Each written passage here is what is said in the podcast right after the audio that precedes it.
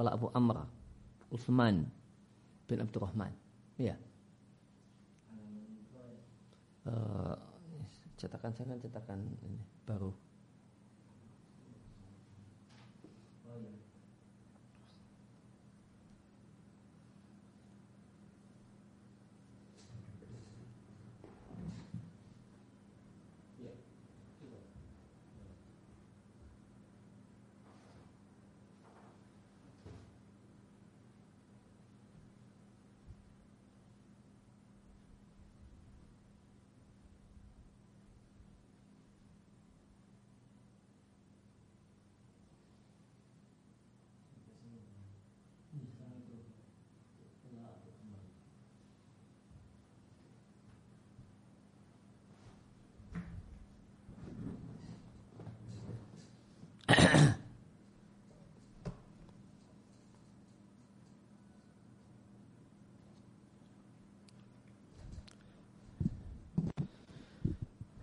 Alhamdulillah wa kafa wa salatu wa salam ala rasulil mustafa wa ala alihi wa sahbihi wa man tabi'ahum bi ihsanin ila yaumidin amma ba'd. Kaum muslimin dan muslimah rahimani wa rahimakumullah kembali kita lanjutkan membaca dan mentelaah ya, buku berjudul Min Hadis Salafi fi Talabil Ilmi karya Syekh Muhammad ibn Matar Az-Zahrani rahimallahu taala Selanjutnya kutipan perkataan Abu Amr Uthman ibn Abdurrahman As-Sahrazuri yang terkenal dengan sebutan Ibnu Salah. Beliau mengatakan ya, berkaitan dengan ilmu hadis, ilmu hadis adalah ilmu yang mulia, cocok dengan akhlak mulia dan perilaku-perilaku terpuji. Wa yunafiru dan tidak cocok dengan akhlak yang jelek dan perilaku yang buruk. Ilmu hadis adalah bagian dari ilmu akhirat, bukan ilmu dunia. Maka siapa yang ingin atasadda terjun untuk Ismail hadis, memperdengarkan hadis, atau ifadatu syai'in min ulumihi, mengajarkan salah satu ilmu hadis. Maka dahulukanlah tasihan niyati. Tindakan mengoreksi niat dan memurnikan niat. Supaya hati itu bersih dari berbagai macam tendensi duniawi dan kotoran dunia. Dan adalah waspada bencana berupa huburi asati. Menginginkan kedudukan. Kedudukan di sini tidak harus kedudukan real, jabatan tertentu. Yang dimaksud dengan kedudukan adalah adalah kedudukan mulia di hati manusia. Artinya manusia mengelukannya, ngefans berat padanya. Nah, ini namanya maka menginginkan agar terjadi demikian, ini namanya menginginkan riasa. Demikian juga waspada dengan ru'unatiha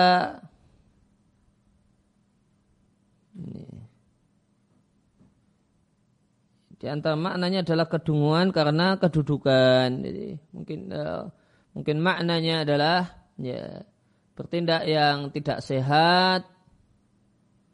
Ya, cuma dalam rangka mendapatkan kedudukan.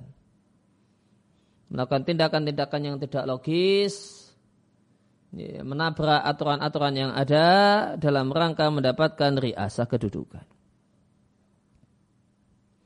Maka yang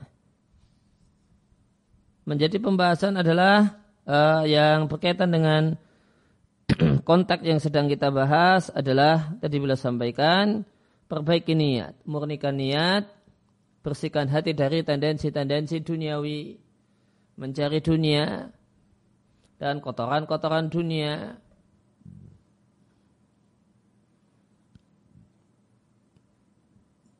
Dan sebagaimana telah uh, kita bahas, sebagaimana telah dibahas di pertemuan yang lewat, dalam hal ini bedakan antara dua hal, mencari dunia, memburu dunia, atau mendapatkan dunia padahal tidak memburu dan mencarinya. Kemudian perkataan Syekh Abdul Hamid Ibn Badis, salah satu ulama ini, kontemporer dari negeri Aljazair, beliau mengatakan tujuan orang yang berilmu, seorang muslim yang berilmu adalah ayah tadiya fi nafsihi. Mengamalkan hidayah pada dirinya, artinya beramal. Dan ayah di ghairahu dan memberikan petunjuk kepada yang lain artinya mengajar. Ya, maka dirinya beramal, ya, beramal dan mengajar. Adapun banyak atau adapun mayoritas para penuntut ilmu, pencari ilmu, di antara mereka ada yang tujuannya pekerjaan. Maka mereka lalai terhadap dirinya dan orang lain. Tidak memikirkan dirinya untuk Ya, menyelamatkan dirinya dengan amal, tidak pula memikirkan orang lain dengan mengajar. Di antara mereka ada yang tujuannya adalah untuk mendapatkan lembaran ijazah. Ijazah tentang ilmu. Maka niat yang kedua ini sama dengan yang pertama. Wa amal ghayatu adapun tujuan yang hakiki alat tidak karena yang telah kami sebut, sebutkan betapa sedikit orangnya. Di anah karena tujuannya hakiki tersebut tidaklah disebut-sebut dalam program pengajaran dan tidak menjadi perhatian objek perhatian minal mu'alimina ya, para guru wahakun ala kulli talibin jadi kewajiban setiap penuntut ilmu agar itulah yang jadi tujuannya. Wahwa ma'adhalika dan di samping itu dia akan mendapatkan ilmu dan mendapatkan kelayaan untuk satu pekerjaan tertentu. Jika dia enggan kecuali pekerjaan itu menjadi niatnya. Walakin akan tetapi fil qasdi dengan berniat ila tilkal ghayati mewujudkan tujuan tersebut maka dia telah uh, maka orang ini telah melakukan di tengah-tengah proses belajarnya melakukan pembersihan jiwa dan dia menjadi sumber hidayah bagi banyak orang di masa depan. Walakin hada namun hal ini yaitu upaya untuk membersihkan jiwa hanyalah terwujud bagi seorang pelajar jika guru-gurunya perhatian dengan tujuan ini. Wayakmaluna laha dan melakukan aksi nyata untuk mewujudkan tujuan ini. Dan mengarahkan para murid untuk mewujudkan tujuan ini. Dan betapa sedikitnya guru semacam ini mayoritas guru ya sekedar mengajar kewajiban selesai sudah. Tidak ada nasihat-nasihat, bimbingan-bimbingan arahan untuk memperbaiki niat. Maka di kutipan yang baru saja kita baca beliau sebutkan dua niat yang salah. Ini ada niat untuk supaya dapat pekerjaan. Karena karena lulusan jurusan agama ya, maka nanti pasti mudah dapat pekerjaan. Ngajar di sini ataukah di situ? Ada lagi yang niatnya adalah lembaran ijazah. Nah ini niat kalau ini jadikan niat dalam menuntut ilmu maka ini niat yang keliru. Niat yang benar adalah ikhlas karena Allah subhanahu wa ta'ala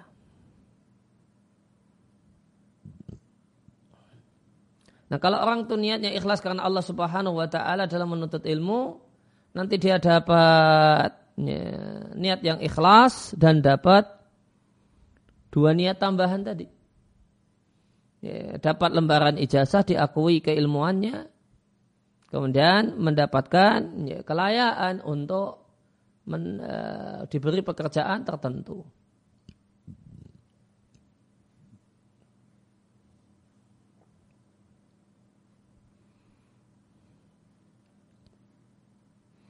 Nah, itu kalau niatnya niat yang benar, niatnya niat akhirat, ah dapat dunia. Kalau orang itu niatnya dunia, tidak dapat akhirat.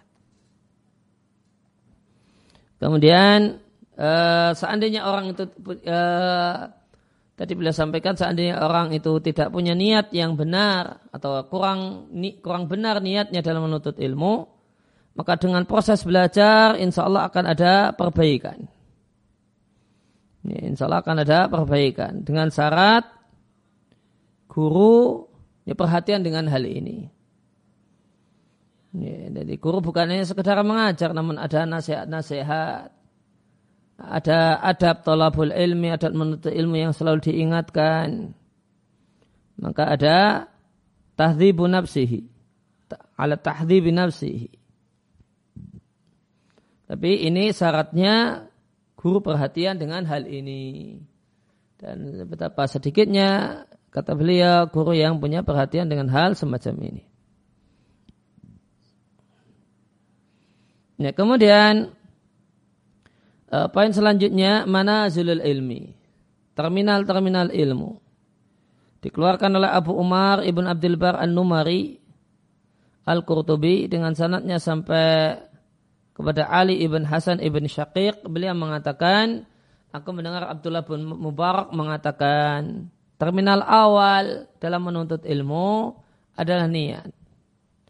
Setelah niat, terminal selanjutnya adalah mendengarkan pelajaran. Nah ini orang yang akan eh, ya, bisa mendapatkan ilmu. Kalau dia pasang niat, niat untuk belajar, pergi ke majelis ilmu. Dan setelah di majelis ilmu tidak mendengarkan ilmu, namun sibuk ngobrol dengan temannya, ya, sibuk mainan dengan HP-nya, ya maka anda dapat ilmu. Karena langkah uh, terminal yang kedua adalah mendengarkan. Kemudian yang ketiga, thummal fahmu. Kemudian memahami pelajaran yang disampaikan. Oh, langkah berikutnya adalah al-hifdhu, menghafal yang perlu dihafal. Setelah faham dan hafal, dipraktekkan, diamalkan. Setelah itu, thumma nashru, disebar luaskan. Kemudian masih uh, dari Ibn Abdul Bar, dari Muhammad Ibn Nadr Al-Harithi beliau mengatakan, terminal iman yang pertama mendengarkan. Sudah ditanyakan summa mada, kemudian apa selanjutnya beliau katakan menghafal. Ditanyakan kemudian apa, kemudian beliau katakan beramal. Kemudian apa, kemudian beliau katakan menyebar luaskan ilmu yaitu mengajar. Maka mengajar itu setelah belajar.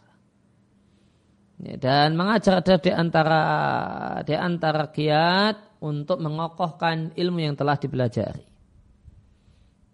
Kemarin telah kita bahas eh, sarana untuk mengokohkan ilmu disampaikan dua hal oleh eh, penulis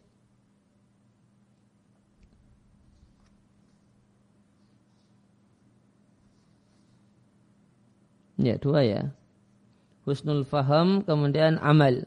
Menghafal dan mengamalkan. Maka secara realita ada ada poin yang ketiga untuk mengokohkan ilmu. Mengajar. Kalau orang tidak punya objek, uh, objek orang yang bisa diajari, ya, maka tidak usah jauh-jauh ajari istri. Ilmu yang didapatkan di, di, di masjid, bawa ke rumah, ajarkan pada istri. Bahkan seandainya tidak ada sama sekali, karena belum menikah misalnya, ajarkan sama semut dan tembok di rumah. Nah, ini bisa membantu untuk mengokohkan ilmu. Kemudian uh, Sufyan ibn Sa'id al-Thawri beliau mengatakan karena yukol di, dikatakan bahasanya awalul ilmi langkah awal atau terminal pertama untuk mendapatkan ilmu adalah diam. Ini. Kalau tidak diam malah ngobrol dengan kawannya, Anda dapatkan ilmu. Kemudian perhatian dan mendengarkan. Kemudian menghafal, kemudian diamalkan, kemudian disebarluaskan dan diajarkan. Kemudian dikeluarkan oleh Abu Nu'aim al-Asbahani dengan sanatnya sampai Sufyan Ats-Tsauri beliau mengatakan tidak ada amal setelah kegiatan ibadah setelah melakukan ibadah-ibadah yang wajib yang lebih mulia daripada menuntut ilmu. Kemudian Abdul Malik Ibn Qarib Al-Asma'i mengatakan terminal awal untuk mendapatkan ilmu adalah diam. Kemudian husnul istima' ya, mendengarkan dan memperhatikan dengan baik. Ya, maka perhatikan. Mendengarkan dan memperhatikan dengan berkualitas. Tidak hanya asal mendengarkan. Kemudian jaudatul hifzi. Menghafal atau yang baik Kemudian ihtiwa'ul ilmi memahami ilmu. Kemudian yang kelima menyebarluaskannya dan menyebarluaskannya. Menyebarkannya dan menyebarluaskannya. Kemudian dari Ad-Dhahak Ibn Muzahim beliau mengatakan Pintu pertama menuju ilmu adalah diam, kemudian menyimak dan mendengarkan. Yang ketiga dipraktekkan dan diamalkan, kemudian terminal selanjutnya adalah menyebarluaskan dan mengajarkannya. Syekh Muhammad Ibn Abdul Wahab rahimallahu taala di awal risalah Usul Thalathah mengatakan Ketahuilah semoga Allah menyayangi, menyayangimu wajib atas kita mempelajari empat hal. Yang pertama ilmu, yaitu mengenal Allah, mengenal Nabi, dan mengenal agama Islam ini dengan dalil. Yang kedua, mengamalkannya. Yang ketiga, mendakwahkannya. Yang keempat, bersabar untuk menghadapi gangguan. Ya, bersabar untuk menghadapi gangguan dalam hal ini. Dalilnya firman Allah Ta'ala di surat Al-Asr. Ibnul Qayyim rahimahullah ta'ala mengatakan wal ilmu situ maratibah Ya, ilmu itu memiliki tujuh ya, tujuh terminal. Yang pertama husnul soal. Ya, bertanya yang berkualitas yang bermutu. Ya, pertanyaan yang bermutu. Pertanyaan dalam rangka menuntut ilmu. Menanyakan hal-hal yang belum jelas. Bukan nanya untuk ngetes, bukan nanya untuk menjebak, ya, orang yang ditanya dan niat-niat jelek lainnya. Kemudian mendengarkan dengan baik dan memperhatikan dengan baik. Yang ketiga, memahami dengan baik. Yang keempat, menghafalkannya. Yang kelima, mengajarkannya. Yang keenam, dan inilah buahnya mengamalkannya dan memperhatikan batasan-batasan agama yang diketahui dengan ilmu. Maka di antara manusia ada orang yang tidak mendapatkan ilmu karena tidak mau bertanya.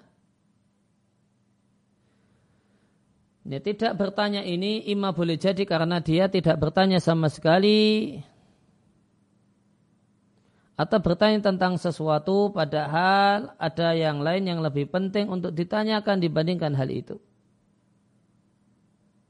Semacam bertanya tentang ilmu-ilmu yang statusnya fudul, ilmu-ilmu yang statusnya pelengkap dan tambahan. Yang ilmu ini memiliki karakter la yaduru jahluhu biha. Maka tidak tahu itu tidak membahayakan. Nah, biasanya ilmu tentang masalah ini, ilmu yang dinilai fudul ini, ya, bukanlah ilmu yang berkenaan dengan amal. Misalnya pembahasan tentang manakah yang lebih mulia, malaikat ataukah manusia yang saleh. Nah, ini fudulul ilmi. Disebut juga dengan nafilatul ilmi. Nah, ada orang yang sibuk dengan fudulul ilmi, nafilatul ilmi, kemudian wayada'u mala ghinalahu an ma'rifati. Dia tinggalkan hal-hal yang seharusnya ya, dia ketahui dan dia pelajari. Inilah keadaan banyak dari orang bodoh, namun muta'alimina. Ya.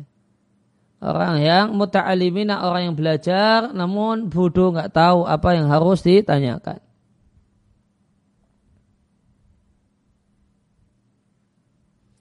Kemudian di antara manusia ada orang yang tidak mendapatkan ilmu lisu'u insatihi karena sulit untuk diam.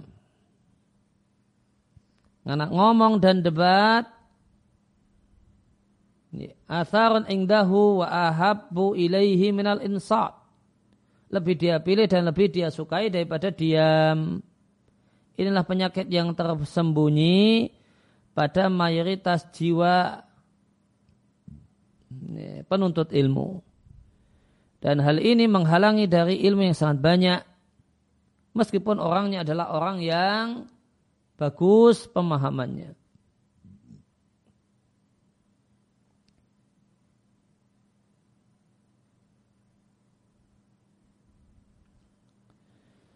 Ibn Abdul Bar menyebutkan ada seorang ulama salaf yang mengatakan siapa yang bagus pemahamannya namun jelek al-istima' kemampuannya untuk mendengarkan lam yakum khairuhu bisyarihi. Maka sisi positif dan baik pada dirinya tidaklah kemudian seimbang dengan kejelekannya.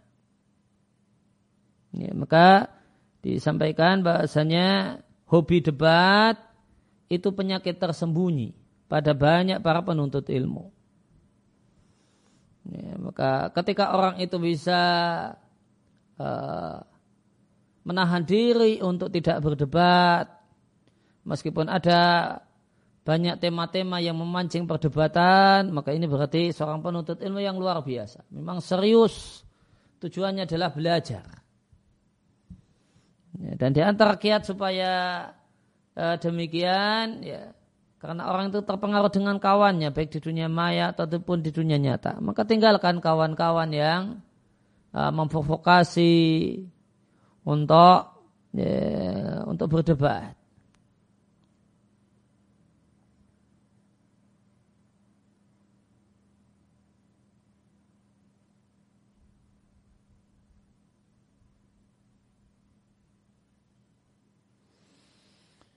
Ya, Abdullah bin uh, Ibn Ahmad di kitabnya uh, di kitabnya Al Ilal mengatakan adalah Urwah ibn Zubair itu suka mendebat Ibnu Abbas. Maka gimana sikap Ibnu Abbas terhadap orang yang suka mendebat dirinya? Maka Ibnu Abbas menyimpan ilmunya. Anhu tidak mau beliau berikan kepada Urwah ibn Zubair. Lain halnya dengan Ubaidillah ibn Abdullah ibn Utbah. Beliau menggunakan bahasa yang lembut kepada Ibnu Abbas visual ketika bertanya. Maka Ibnu Abbas pun memuliakannya dengan ilmu betul-betul memuliakannya. Maka Ibnu Abbas kemudian uh, maksimal uh, memberikan ilmu kepada penanya yang baik ini. Adapun penanya yang uh, semangatnya dalam bertanya adalah berdebat. Ya, nampaknya bertanya namun tujuannya adalah debat. Ya, maka sikap umumnya guru semacam ini. Semacam sikapnya Ibnu Abbas.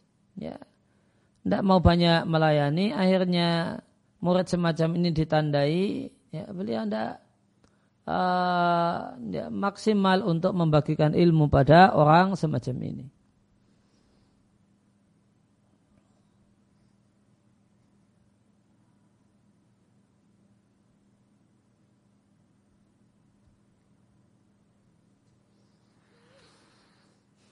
Nah, kemudian yang ketiga, adab sebelum belajar ilmu. Populer di kalangan para ulama salaf mengirimkan asibian anak-anak ketika sudah eh, sampai pada umur tamyiz. Jadi umur tujuh tahun dikirimkan kepada seorang muadib, seorang uh, pendidik anak-anak.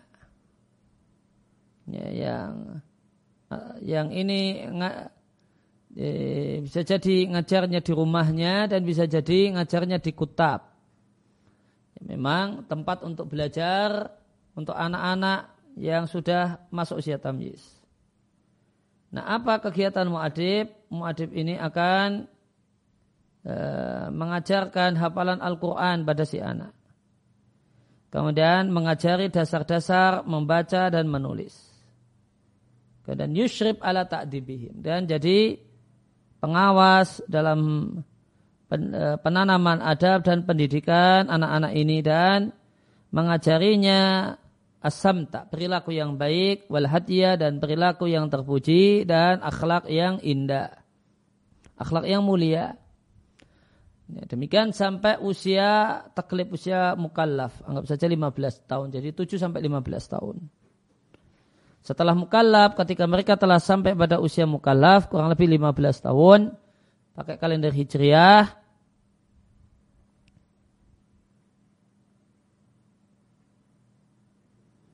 maka muadib ini akan menghadirkan anak-anak tadi ke majelis sebagian ulama.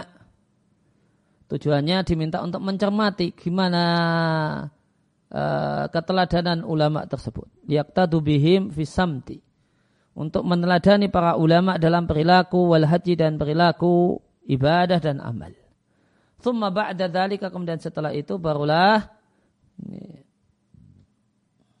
dia dikirimkan ke halaqatil ilmi, ke halaqah halaqah ilmu untuk betul-betul belajar. Wakat utliqa dan digunakanlah sebutan muadib untuk sejumlah orang yang fokus untuk mendidik anak-anak dan dikenal dengan hal itu. Kemarin telah kita baca perkataan Sufyan Thauri, mereka tidaklah memberangkatkan anak-anaknya untuk betul-betul menuntut ilmu, sampai mereka anak-anaknya ini ya ta'addabu memiliki adab kemudian sudah mapan stabil ibadahnya selama 20 tahun. Abdullah bin Mubarak mengatakan aku belajar adab 30 tahun dan aku belajar ilmu 20 tahun. Dan adalah mereka para penuntut ilmu di masa silam mereka belajar adab, kemudian baru belajar ilmu. Ibnu Bar juga mengatakan, Kadal adabu yakunu thuluthail ilmi. Hampir-hampir adab itu menempati posisi dua per tiga ilmu. Dikeluarkan oleh Al-Khatib Al-Baghdadi di kitabnya Al-Jami dengan sanatnya sampai Malik bin Anas. Muhammad bin Sirin mengatakan adalah mereka mempelajari perilaku bagaimana mereka mempelajari ilmu. Ya, perilaku makan itu seperti apa, perilaku berjalan itu seperti apa, ya, dan perilaku-perilaku yang lain itu dipelajari. Ya, itu dipelajari. Sebagaimana belajar ilmu.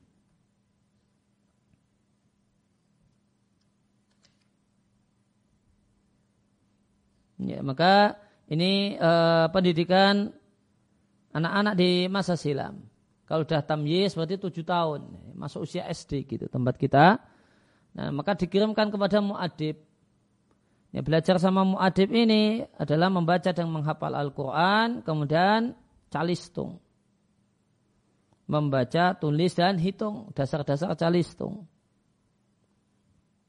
Dan uh, muadib Sibian ini dan mengawasi perilakunya sehari-hari, perilaku anak-anak didiknya sehari-harinya. Dalam rangka menanamkan adab bagi mereka. Nah, setelah belajar kepada muadib, nanti kalau sudah usia balik, diminta untuk belajar adabnya para ulama. Setelah dirasa cukup, barulah kemudian belajar ilmu. Kemudian Ibrahim bin Habib Asyahid beliau mengatakan, ayahku berkata kepada aku, Wahai anakku, datangilah para ulama fikih dan para ulama. Ya, belajar dari mereka, ambil adab mereka dan akhlak mereka serta perilaku mereka. Sungguh hal itu yaitu adab. Itu lebih aku sukai daripada banyak hadis yaitu banyak ilmu. Abdullah bin Mubarak mengatakan Makhlat ibn Husain berkata kepada aku. Kita lebih membutuhkan banyak adab dibandingkan banyak hadis atau banyak ilmu. Abu Zakaria Yahya ibn Muhammad al-Ambari mengatakan ilmu tanpa adab itu seperti api tanpa kayu kering yang membakarnya. Sedangkan adab tanpa ilmu seperti raga yang tidak punya nyawa.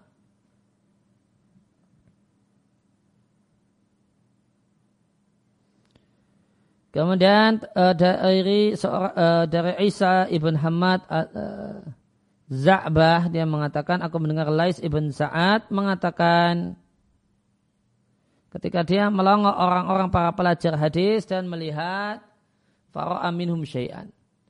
Melihat ada sesuatu yang kurang tepat yang dilakukan oleh para pelajar hadis ini. Maka Lais bin Sa'ad mengatakan, Maha ada apa ini? Antum ila yasir, minal adabi. Kalian lebih membutuhkan sedikit adab dibandingkan banyak ilmu.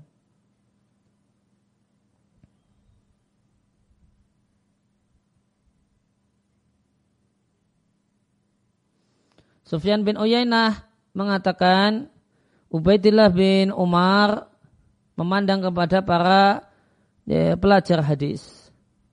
Dan bagaimanakah mereka desak-desaan? Nah, desak-desaan itu tidak menunjukkan adanya adab. Ya, adab yang baik, ya, orang itu teratur, mempersilahkan yang lain. Nah, ini tidak rebutan, desak-desaan. Maka beliau katakan, sungguh kalian telah menjelekkan ilmu dan menghilangkan cahaya ilmu. Seandainya Umar bin Khattab menjumpai kami dan kalian, dengan sikap semacam ini rebutan, saling serobot, niscaya Umar akan e, menimpakan rasa sakit kepada kalian dengan memukul, dengan dipukuli. Kemudian Muhammad bin Isa Az-Zujat mengatakan beliau mendengar Abu Asim mengatakan siapa yang mencari dan belajar hadis maka dia mencari perkara dunia yang paling tinggi mutunya. Maka wajib baginya menjadi sebaik-baik manusia.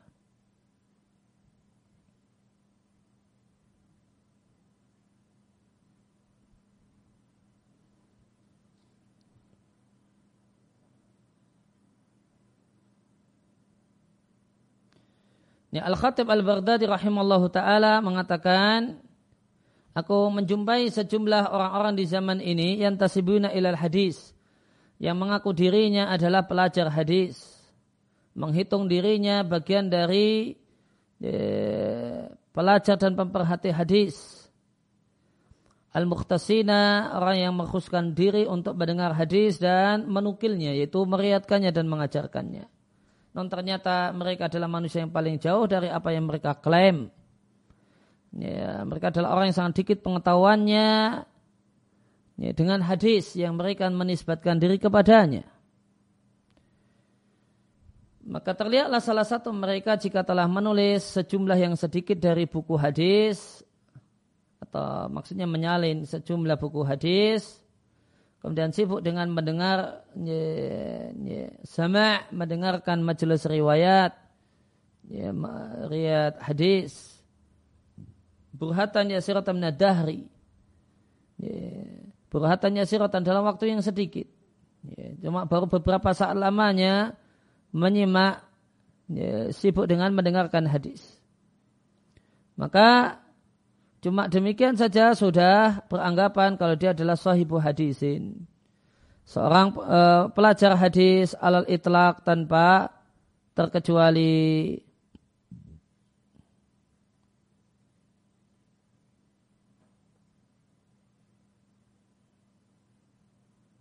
Padahal dia belum mencapaikan dirinya dan mencapaikan dirinya untuk mencari hadis. Belum pula dia mendapatkan kesusahan menghafal ya, macam-macam hadis dan bab-bab hadis. Dan beliau mengatakan, Wahum dan mereka para pelajar hadis ini sudah kemudian sedikit tulisannya tentang hadis dan tidak punya pengetahuan tentang hadis realitanya adalah manusia yang paling besar sombongnya dan orang yang paling keterlaluan taihan sombong dan ujubnya. Tidak memperhatikan kehormatan seorang guru. Wala yujibuna li talibin zimmatan. Dan tidak mewajibkan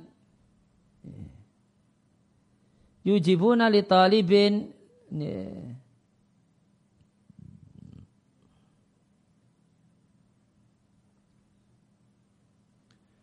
Dimah, dimah uh, bisa maknanya perjanjian.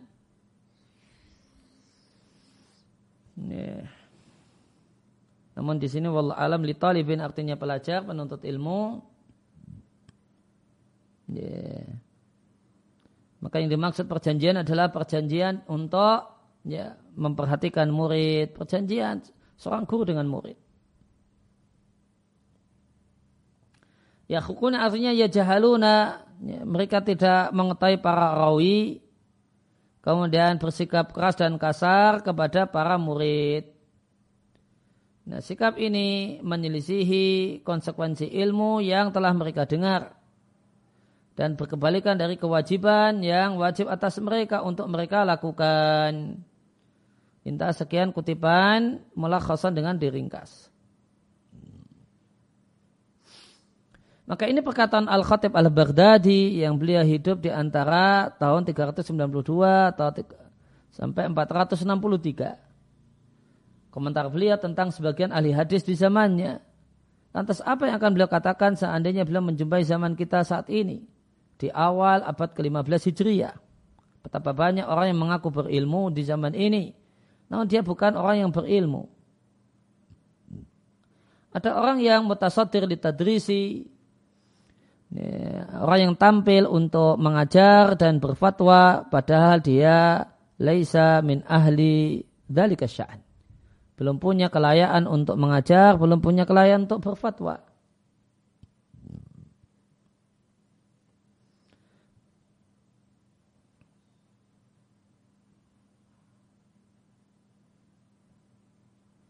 Betapa banyak orang yang salin lisanahu, orang yang melepas lisannya dan penanya padahal dia belum lam yuhid ilmuhu padahal ilmunya belumlah menguasai sebagian masalah ilmu sebagian kecil masalah ilmu lebih-lebih lagi menguasai banyak ilmu Fada'a ilma malam ya alam. Maka dia klaim mengetahui hal yang tidak dia ketahui. Ihsana malam yuhsin. Menguasai hal-hal yang tidak dia kuasai dan dia tuduh orang lain dengan tuduhan yang padahal tujuan itu lebih utama dan lebih layak untuk dirinya dibandingkan orang lain.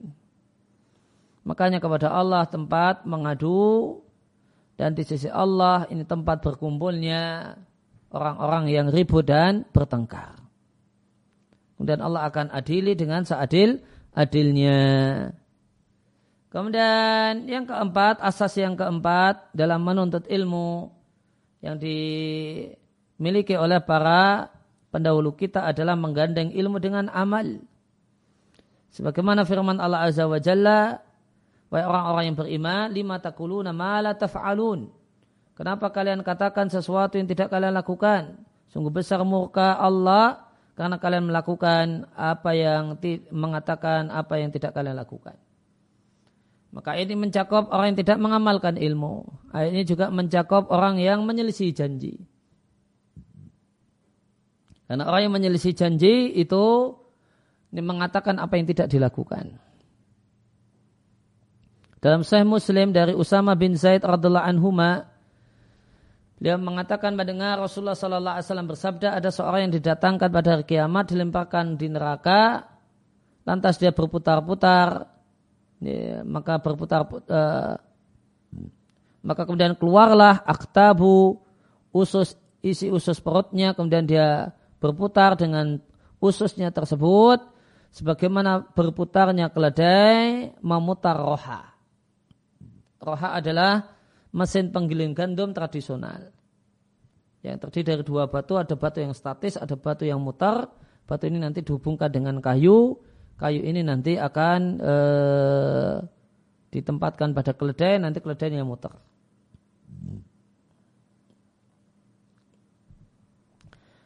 Maka penduduk neraka pun berkumpul mengerumuninya dan mengatakan, Wahai fulan, ada apa dengan dirimu? Bukankah dulu engkau mengajakkan, e, memerintahkan kebaikan dan melarang kemungkaran? Dia mengatakan, betul. Kuntu dulu aku memerintahkan hal yang ma'ruf, namun aku tidak melakukannya Aku melarang hal yang mungkar namun aku pelakunya. Dikeluarkan oleh Al-Khatib Al-Baghdadi dengan sanatnya dari Abu Barza Al-Aslami. Rasulullah Sallallahu Alaihi Wasallam bersabda, tidaklah bergeser dua telapak kaki seorang hamba pada hari kiamat sampai ditanya tentang empat hal tentang umurnya fima afnahu dan umur sama dengan waktu akan tanyakan waktu yang telah Allah berikan untuk apa afnahu dia hancurkan tentang ilmunya apa yang dia telah amalkan dengan ilmu tersebut. Tentang hartanya dari manakah dia mendapatkannya dan untuk apa dia belanjakan dan tentang raganya. Untuk kegiatan apa dia hancurkan raganya tersebut. Yang dulu mata yang bagus kemudian jadi rusak telinga yang tajam pendengaran yang tajam jadi ya, tidak karuan. Nah. nah ini untuk apa rusaknya anggota badan ini akan ditanyakan oleh Allah Subhanahu wa taala dikeluarkan oleh Abu Muhammad Ad-Darimi dari Abdullah bin Mas'ud radhiyallahu anhu beliau mengatakan Bagaimanakah keadaan kalian? Ya, jika fitnah itu menutupi kalian. Dalam keadaan yang enggak, enggak karuan ini, pikunlah orang-orang yang tua. Dan tumbuh besarlah anak-anak muda, anak-anak kecil. Dan masyarakat pun punya satu kebiasaan tertentu jika kebiasaan dan budaya ini diubah, maka masyarakat akan komentar sunnah diubah. Ya, orang-orang pun bertanya kapankah hal tersebut terjadi wahai Abu Abdurrahman. Beliau mengatakan jika banyak ya, ya, orang-orang ya, yang berilmu di antara kalian dan namun sedikit orang-orang yang namun sedikit orang-orang yang fakih orang yang betul-betul faham banyak penguasa kalian dan sedikit orang yang amanah. Dan ketika dunia dicari dengan menggunakan amal akhirat. Dan Muhammad ibn Muslim bin Syihab Az-Zuhri mengatakan ilmu itu punya sejumlah penyakit, maka di antara penyakit ilmu adalah ya, tidak mengamalkan ilmu sehingga akhirnya ilmu itu hilang. Dan di antara penyakit ilmu adalah lupa. Dan di antara penyakit ilmu adalah bohong. Dan bohong adalah syaru ilihi. Penyakit ilmu yang paling jelek. Amir ibn Syarahil yang terkenal dengan sebutan Sya'bi mengatakan kami minta tolong untuk bisa hafal hadis dengan mengamalkannya. Dan kami minta tolong untuk bisa belajar hadis dengan berpuasa, dengan rajin berpuasa.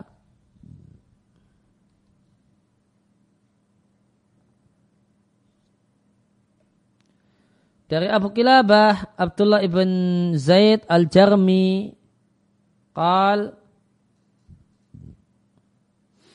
Ya, dia uh, beliau menasihati Ayub wahai Ayub yakni yang dimaksudkan adalah ibnu Abi Tamimah Asikhtiyani. Jika ahdasallahu laka ilman, jika Allah memberikan tambahan ilmu baru untukmu, maka fa'ahdislahu ibadatan maka kerjakanlah satu ibadah baru untuk Allah. Dan janganlah hamuka yang Anda pikirkan adalah bagaimanakah mengajarkannya. Non pikirkanlah bagaimanakah mengamalkannya. Ya, sebagian orang menuntut ilmu itu murni untuk orang lain karena yang dipikirkan adalah uh, mengajar dan mengajar. Ini sikap yang tidak tepat. Lo katakan walam yakun hamuka antu hadisa bihi. Janganlah yang jadi orientasi, orientasi, uh, orientasimu hanyalah mengajar. Menjadikan orientasi adalah mengamalkan ilmu. Jika orientasinya adalah mengamalkan ilmu, maka yang akan terjadi dan terwujud sebagaimana yang diceritakan oleh Al Hasan Al Basri. Beliau mengatakan dulu seorang itu menuntut ilmu, fala yalbathu maka tidaklah lama. Ayuradhalika ilmu itu sudah terlihat jejaknya pada dirinya. Fitakhashu'ihi dia terlihat khusyuk terlihat pada perilakunya lisannya pun terlihat berbeda dan juga tangannya itu berbeda.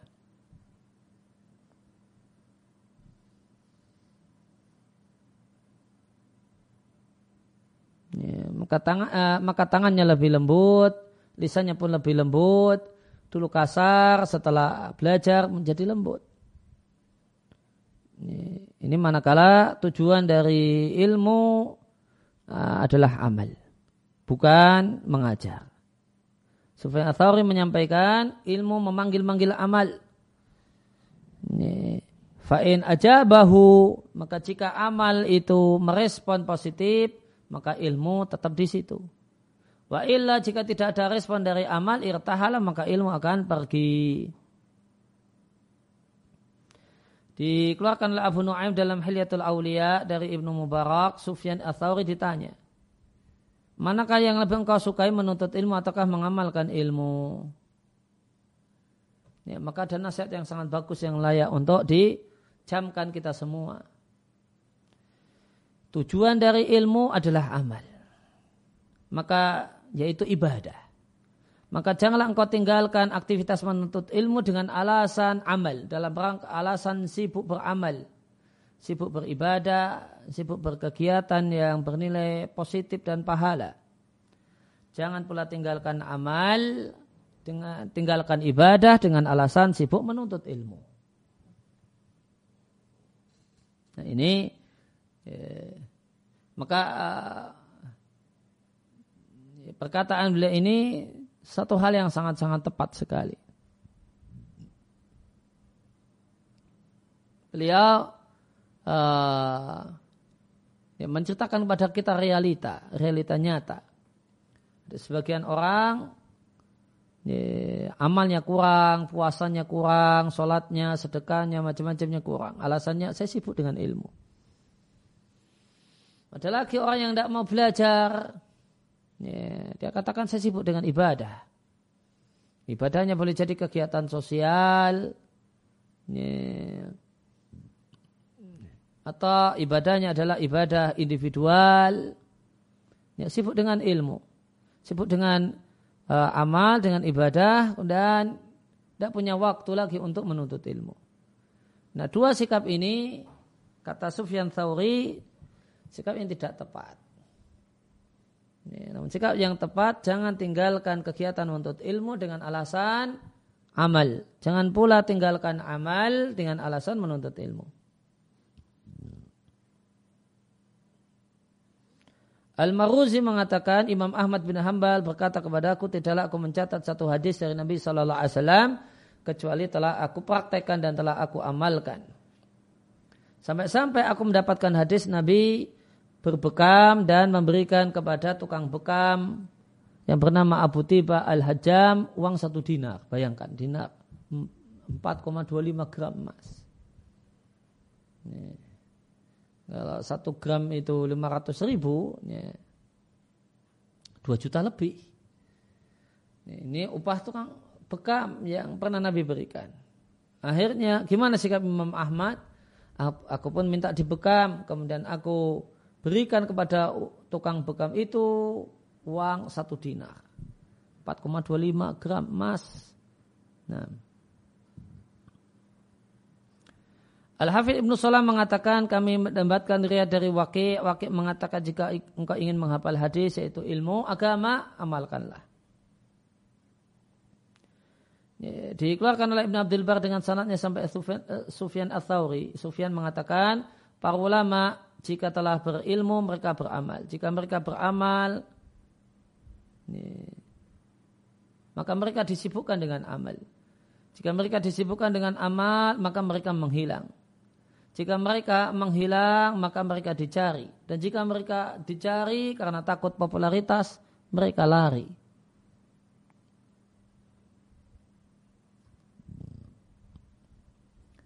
Ya, dari Habib ibn Hajar al-Qisi beliau mengatakan adalah karena yukal adalah ada ungkapan yang mengatakan betapa indah iman yang dihiasi oleh ilmu dan betapa indah ilmu yang dihiasi oleh amal.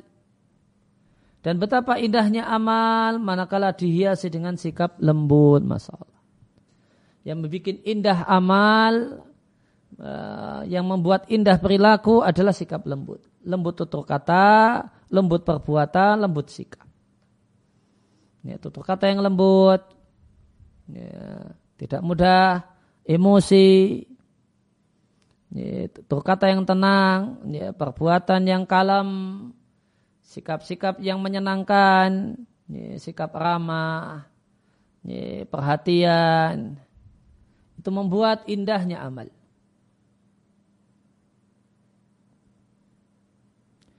Wa ma'udhifa syai'un ila syai'in dan tidaklah ditambahkan sesuatu ditambahkan pada sesuatu yang lain yang lebih indah semisal sifat hilm ditambahkan kepada ilmu. Hilm itu artinya kemampuan mengendalikan emosi dan amarah. Itu sangat-sangat indah pada saat dimiliki oleh orang yang berilmu. Maka dia kalem, tenang. Ada hal-hal yang memancing emosi, dia uh, respon dengan tenang.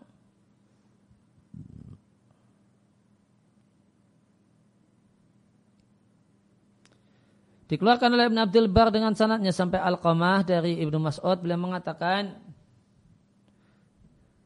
maka tidaklah seorang itu merasa cukup dengan Allah kecuali nanti manusia akan membutuhkannya. Dan tidaklah seorang itu mengamalkan ilmu yang Allah ajarkan kecuali masyarakat akan membutuhkan ilmu yang dia miliki.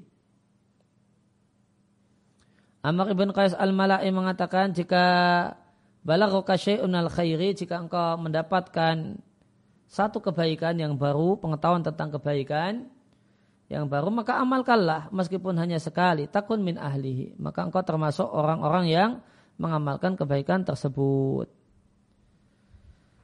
Eh, kata-kata uh, walau marotan ini menunjukkan bahasa kebaikan yang dimaksudkan adalah amal sunnah.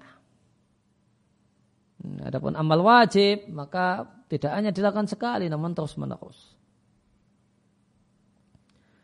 Ya, kemudian dari Abu Ismah Asim ibn Isam al Baihaqi beliau mengatakan aku bermalam selama satu malam di rumahnya Imam Ahmad. Maka beliau datangkan air air uh, lantas beliau letakkan di kamar ya, tempat tamu ini menginap. Tatkala pagi tiba dia lihat air ternyata airnya itu adalah kamakana sebagaimana semula, tidak berubah. Berarti orang yang tidak bangun, tidak dipakai. Fakal maka Imam Ahmad mengatakan Subhanallah ada seorang yang rajin menuntut ilmu namun ternyata tidak punya amal rutin di malam hari yaitu sholat. Tidak punya am, eh, tidak punya amal rutin berupa sholat malam meskipun hanya tiga rakaat. Maka beliau celak ini penuntut ilmu namun ya, tidak semangat beramal di antaranya adalah uh, amal rutin ya, set, uh, amal rutin harian di antaranya adalah sholat malam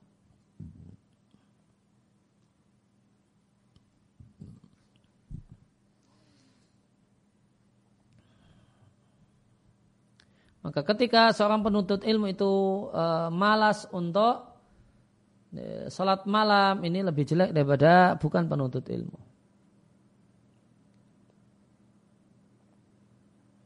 Al-Khatib Al-Baghdadi mengatakan sepatutnya penuntut ilmu dan pelajar hadis ya, dia terbedakan dengan yang lain, terbedakan dalam mayoritas e, keadaannya, beda dengan ya, perbuatan orang-orang awam. Cara membedakan diri nah, itu bukan dengan uh, dengan bukan pakai pakaian yang aneh-aneh, namun dengan berupaya mengamalkan asar dan riwayat dari sang Rasul Sallallahu Alaihi Wasallam semaksimal mungkin. Kemudian taudhifu sunnah, mengamalkan sunnah pada dirinya. Karena sunnah Allah Ta'ala berfirman, Laqad kana lakum fi rasulillahi uswatun hasanah. Sungguh ada teladan yang baik bagi kalian dalam diri Rasulullah Sallallahu Alaihi Wasallam.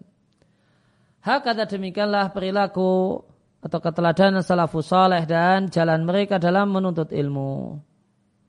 Inama huwa hanyalah jalan menuntut ilmu itu untuk mendapatkan ridha Allah dengan melaksanakan perintahnya dan menjauh larangannya.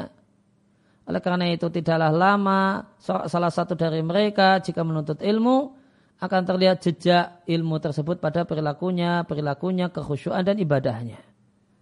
Dan mereka adalah orang-orang yang cepat merespon ini perintah dan larangan Allah. Mereka orang yang antusias untuk beramal. Maka ketika telah sampai pada mereka satu hadis dari Rasulullah Sallallahu Alaihi Wasallam, mereka pun bersegera untuk mengamalkannya dan berkomitmen dengannya.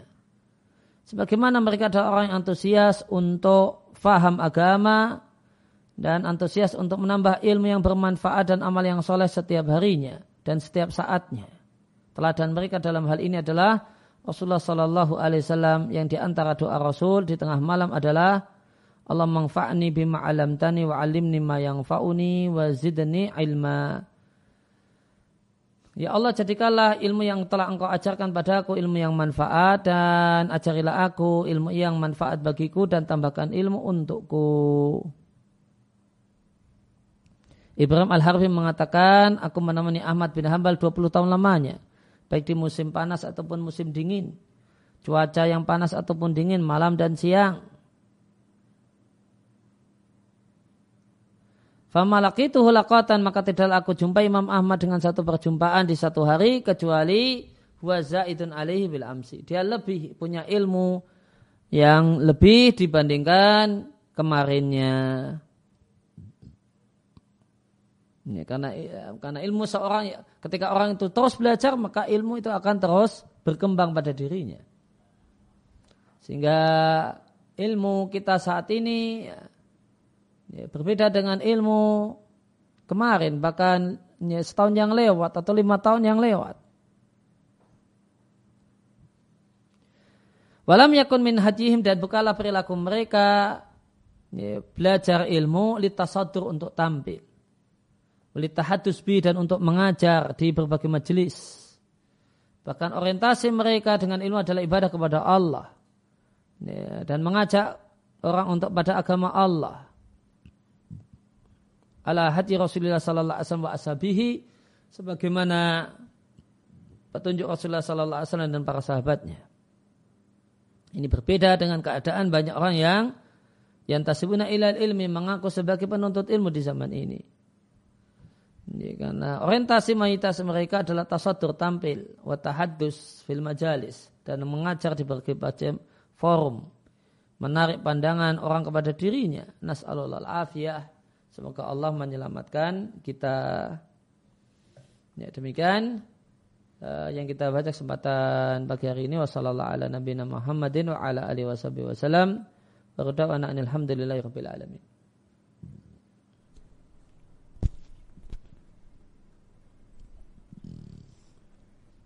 Ada pertanyaan Ustaz. Uh, Assalamualaikum warahmatullahi wabarakatuh. Waalaikumsalam warahmatullahi wabarakatuh. Ustaz saya sudah belajar bahasa Arab kitab silsilah. Lalu saya mengikuti kajian-kajian kitab lewat YouTube dan rekaman. Apakah salah langkah saya karena minimnya kajian kitab di sini Ustaz ya, Insya Allah sudah tidak salah. Cuma perlu diperhatikan uh, mulai dari kitab-kitab yang tipis kitab-kitab yang dasar. Nah demikian subhanakallahumma bihamdika asyhadu an la ilaha illa anta astaghfiruka wa atubu ilaik